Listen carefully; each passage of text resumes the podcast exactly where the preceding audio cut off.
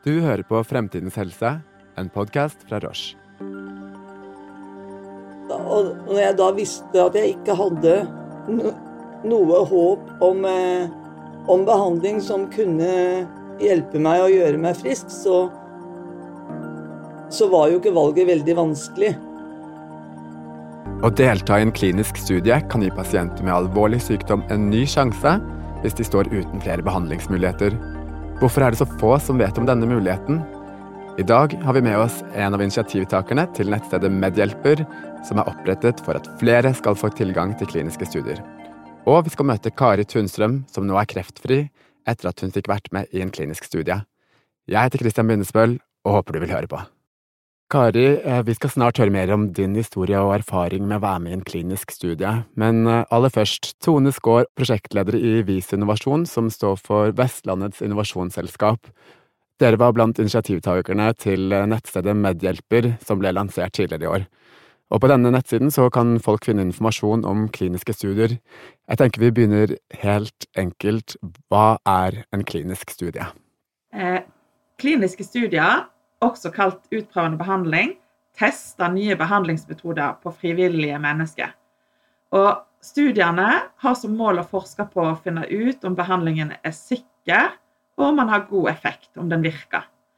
For pasientene så kan det bety en mulighet til å få en behandling som ennå ikke er allment tilgjengelig. Altså det er ikke i standardbehandling. Eh, og det betyr at det kan være billetten til et lengre liv. Eh, og det det er i hvert fall et håp om at det kan være bedre behandling. Eh, og det gjøres kliniske studier på, på, medisiner, på vaksiner, som vi alle kjenner godt til nå med covid. Eh, kirurgi, strålebehandling, trening, medisinsk utstyr, musikkterapi, ernæring og ulike kombinasjoner av sånne ting. Så det finnes mange ulike kliniske studier i Norge på ulike sykdomsområder. Men kan du si litt eh, hvordan en person med en alvorlig sykdom uten andre behandlingsmuligheter kan komme med en klinisk studie?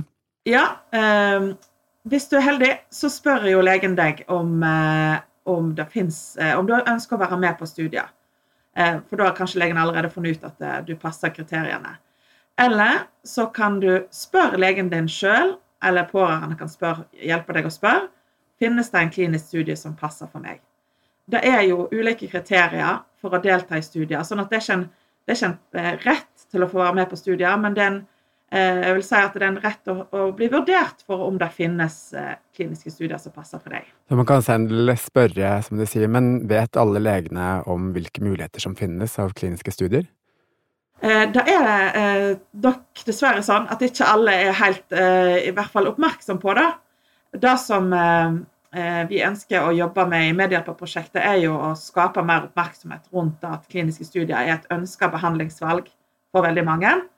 Eh, og da eh, fant vi òg ut at det er, for lite god informasjon til legene der ute som skal hjelpe pasientene å finne studier. Så da vi prøver å hjelpe til med å vise vei til hvor en kan finne kliniske studier. F.eks. da på medhjelper.com viser veien. Du har Helse Norge, og så har du en en portal som er for eh, leger helst, da, med clinicaltrials.gov. Så ja, det jobbes med saken, og en prøver å, å gjøre folk oppmerksomme på dette, inkludert leger. da. Så det er ikke alle leger som har helt oversikten over alle studier som, som finnes, eh, men du oppfordrer pasientene til å spørre selv.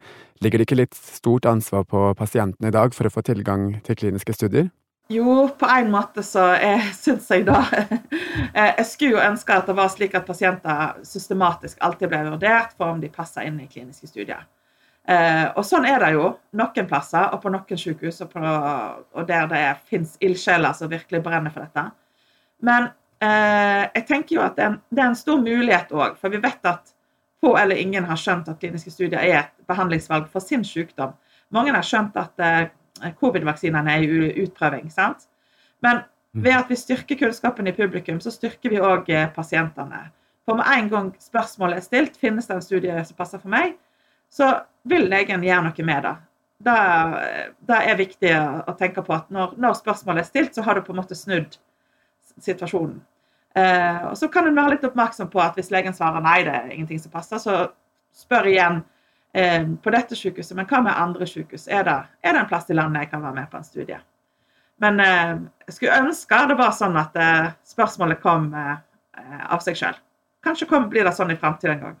Så man trenger ikke å um, være bundet av det sykehuset man selv tilhører for å få tilbud om en klinisk studie. Uh, man kan gå på andre og også eventuelt i utlandet. Ja, en kan delta ved andre sykehus. Da blir en henvist til å sjekke om kriteriene passer. Uh, for jeg må ofte ta en sånn screening for å sjekke om en passer kriteriene. Og da er det ofte prøvesvar osv. som avgjør om en kommer inn. da. Uh, utlandet er litt mer komplisert. fordi Eh, hvis legen henviser deg og er villig til å ta imot i utlandet, så kan du komme inn i studier der. Men eh, sånn som ekspertpanelet i Norge har jo henvist ganske mange eh, pasienter til utlandet, og de har likevel fått nei til å delta i studier. Men det er kommet en norsk handlingsplan for kliniske studier, og der jobbes det med å sende pasienter på tvers i Norden, i hvert fall. Eh, men det er jo pasienter som tar grep og reiser til utlandet hvis det er f.eks. ingen behandling i Norge, eh, og ordner ting sjøl. Men da, da, er det jo der du ser disse innsamlingsaksjonene på at de trenger penger fordi behandlingen koster. Men eh, alltid i eh, kliniske studier så er i hvert fall medisin gratis. Eh, da er ikke det lov å ta betalt for. Vi skal komme litt tilbake til den handlingsplanen for kliniske studier senere, men eh, hvem er det som bestemmer hvilke kliniske studier vi kan ha tilgang til i Norge? Eh, jeg tror ikke det er noen som bestemmer hva akkurat hva studier skal være. Det kommer jo an på. Eh, det finnes jo satsingsområder. sant? Vi har jo offentlige midler eh, som blir lyst ut hvert år fra Forskningsrådet. Det blir lyst ut noen store eh, eh, Cleanforsk-program som skal ha studier der eh, alle, alle helseregionene er med, og universitetssykehusene er med. Eh, og så kommer det an på da, hvilke firmaer eh, legger studiene sine til utprøving her til landet. Der blir vi jo veldig veldig glad for at firmaene gjør det. Det har dessverre vært en nedgang, så nå jobbes det av veldig mange aktører på å tiltrekke flere firmaer til landet vårt, sånn at eh, norske pasienter får tilgang til studier. Og så er det jo eh, mange gode forskningsmiljøer i dette landet som setter i gang studier. I Medhjelperprosjektet har vi hatt stor glede av å jobbe med Neurosysmed, det første forskningssenteret for klinisk behandling her i landet. Og Det betyr at eh, pasienter som lever med ALS, f.eks. en sånn sjelden eh, muskelsykdom, de har eh, nå to eh, studier tilgjengelig i landet som de kan være med på. Og Det gir enormt med håp for pasientene. Tusen takk, eh, Tone. Vi skal komme litt tilbake til eh, hvordan vi kan være med på å øke antall kliniske studier i Norge senere. Men um, først over til deg, Kari Tunstrøm. Du fikk lymfekreft med spredning til benmargen for 17 år siden, og da var du 48 år gammel og gikk gjennom noen tøffe cellegiftkurer. Hvordan var situasjonen din før du ble tilbudt å være med i en klinisk studie i 2019? Ganske vanskelig, fordi gjennom alle disse årene så jeg, hadde jeg jo vært gjennom alle, mange forskjellige cellegiftkurer. Og, og, ingen av de fungerte jo. De, de slo ned kreften, men når eh, behandlingen var over, så, så, kom den tilbake igjen. Og, eh, og jeg var også I 2017 så var jeg også gjennom en såkalt HMAS-behandling, altså en høydosebehandling med, med stamceller. Eh, og den eh, var jo fryktelig tøff, og gjorde, gjorde, meg helt utslått på både fysisk og mentalt. Og, men jeg tenkte jo som så, da, som jeg har gjort gjennom alle år, vært eh, sett på det som er positivt, og tenkt at eh, hjelper det, så er det helt Da skal jeg klare å stå i det. Og, og jeg var ved godt mot og, og håpa at dette skulle få stanset da utviklingen av, av den uhelbredelige kreften jeg hadde. Eh, og så, et, ett og et halvt år etter den høydosebehandlingen, så fikk jeg tilbakefall igjen. Og da var jeg langt nede. Da tenkte jeg at eh, eh, Orker jeg dette mer? Og når jeg da var på sykehuset i Vestfold og snakket med min lege der, så sa han at eh, de hadde for så vidt ingenting mer å tilby, men han ville sende alt over til Radiumhospitalet. for eh, vurdering av eh, å kunne være med på en studie. Og da fikk jeg eh, komme inn der. Så var det på Radiumhospitalet du fikk høre om muligheten til å være med i en klinisk studie? Ja, for da jeg da kom inn dit så, og fikk time der, så fikk jeg fikk jeg traff jeg da en lege, og han fortalte meg at at de skulle i gang med et studie. Og, og, han hadde sett på journalen min og alle papirene og sa at eh, jeg fylte kriteriene for å kunne bli med, og de ville tilby meg plass hvis jeg ønska det. Hva tenkte, du, hva tenkte du da, når han sa det? Tenkte, med en gang så tenkte jeg ja, det vil jeg, for jeg har ikke noe annet håp. Jeg hadde jo da prøvd alle andre typer behandling med forskjellige typer cellegifter. Jeg hadde jo prøvd høydosebehandling, da, en såkalt HMAS-behandling med stamceller. Og når ingenting av dette her virket, så tenkte jeg at jeg Ja. Jeg, jeg sa med en gang ja, jeg vil være med. Men som han sa, du skal tenke gjennom det. Og jeg fikk med meg en del papirer og sånn, og så sa han så får du time igjen om 14 dager, og da må du bestemme deg. Og jeg bestemte meg for å bli med. Kan du si litt um, hva studien gikk ut på? Studien gikk ut på en såkalt um, CAR-T-behandling. Og studien gikk ut på at de høstet T-celler fra blodet mitt. Og så ble disse sendt til USA for genmodifisering. Eh, han eh, Kolstad sa at eh, for å si det enkelt, så ble de satt øyne på.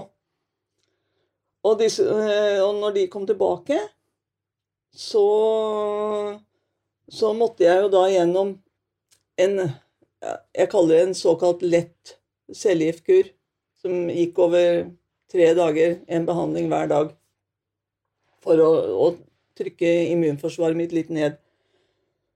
Og og så ble de cellene, da, de T-cellene sendt inn i kroppen min igjen og formerte seg.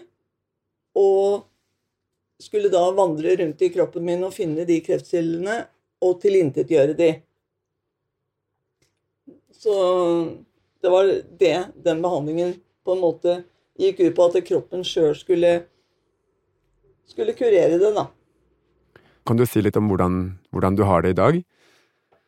Veldig, veldig fint. Jeg er faktisk helt frisk. Eh, de kan ikke finne kreftceller i kroppen min. Eh, nå er det to og et halvt år etterpå. Så eh, for meg så var det en enestående mulighet.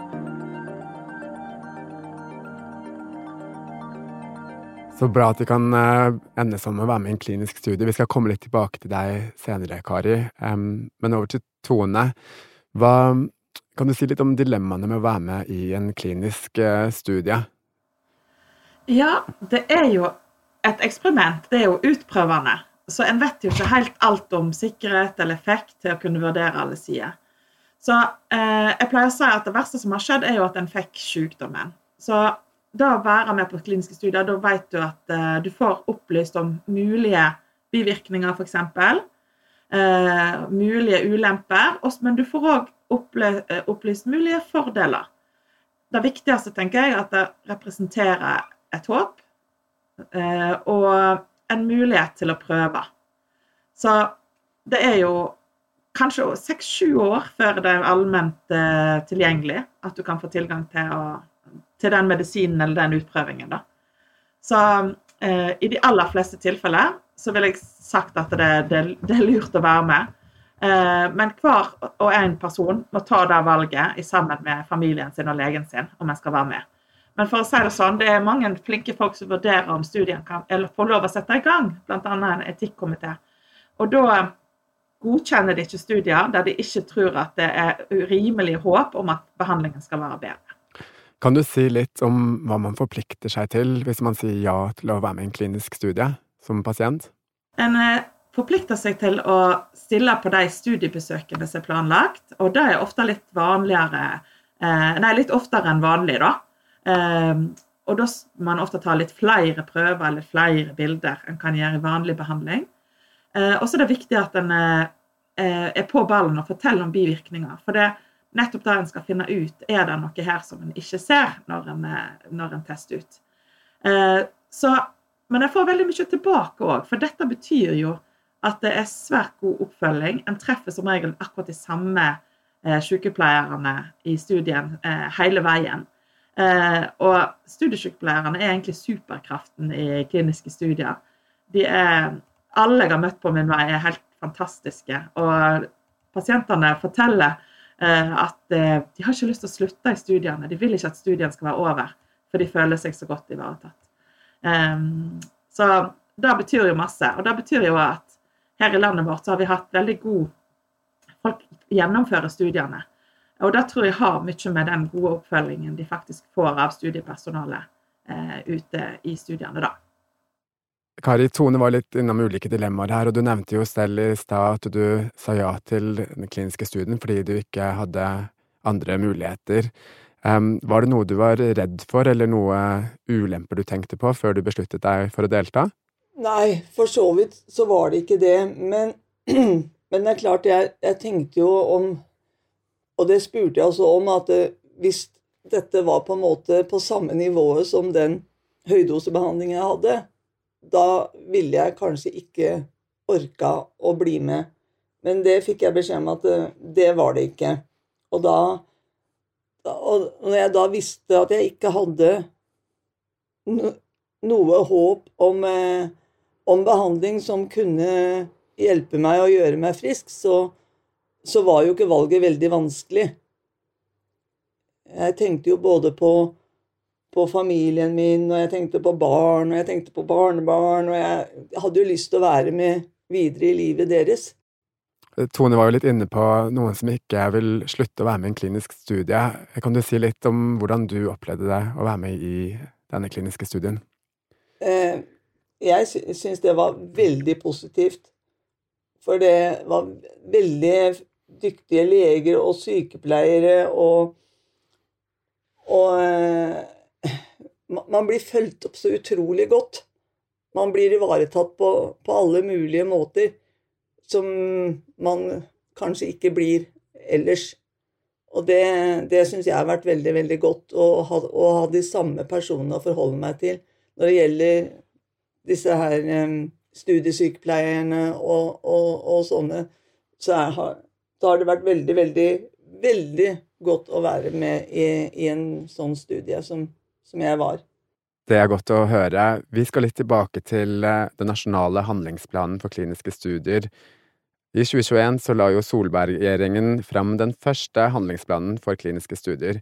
Og visjonen er at klinisk forskning skal være en integrert del av all pasientbehandling.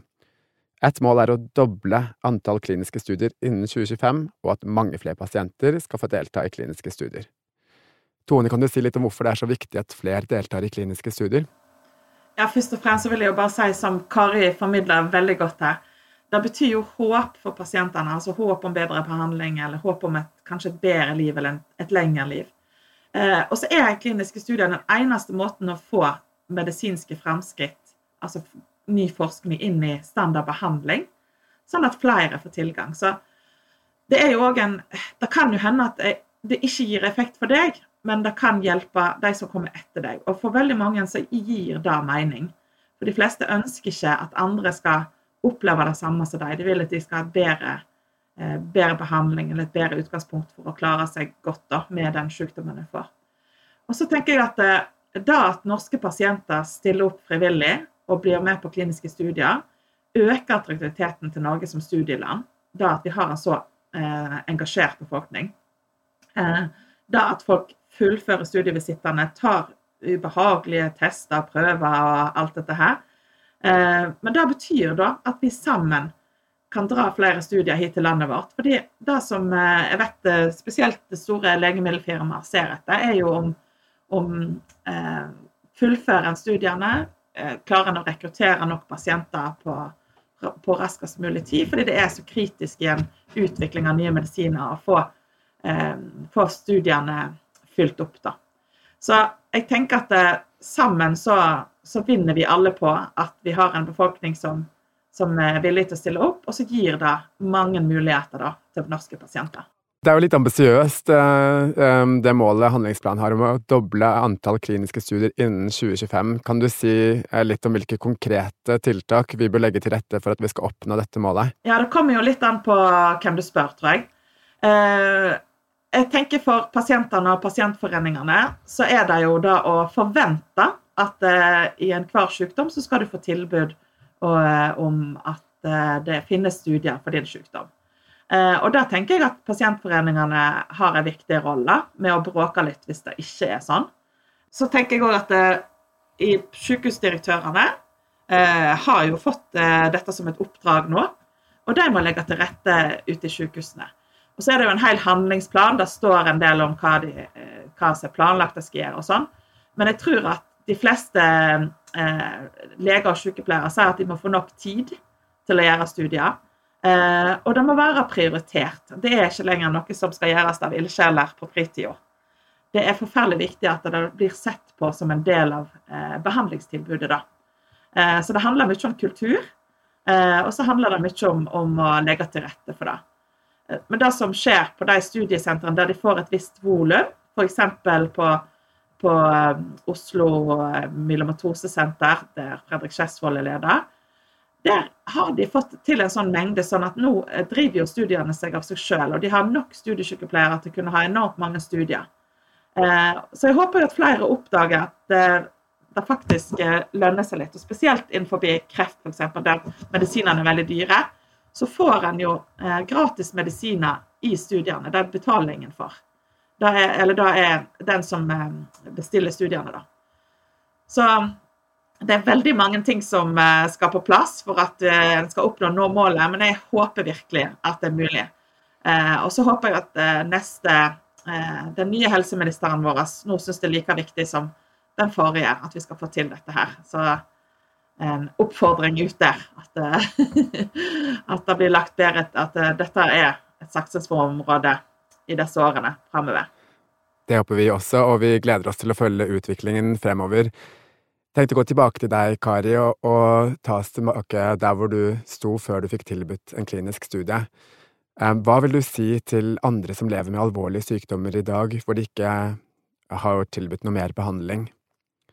Ja, eh, det er jo at eh, de må ikke gi opp håpet, for det, det finnes, for mange i alle fall, et håp om å, å kunne bli bedre Kanskje, kanskje frisk. Det, det, vet man jo ikke før man har forsøkt, men i hvert fall det å beholde håpet og, og ha fokuset på, på, det som kan være bra, tror jeg.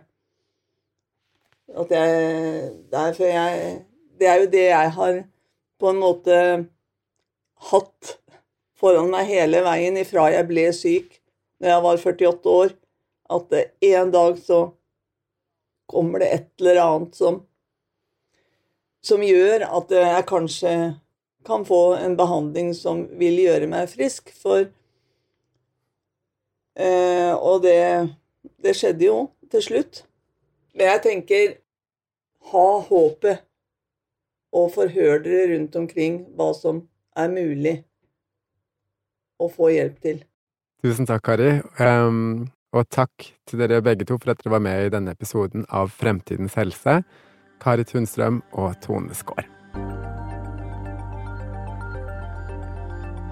Takk for at du lytter til Fremtidens helse, en podkast fra Roche. Abonner på denne podden for å høre mer om hvordan din og min helsetjeneste er i dag, og hva vi håper på for fremtiden.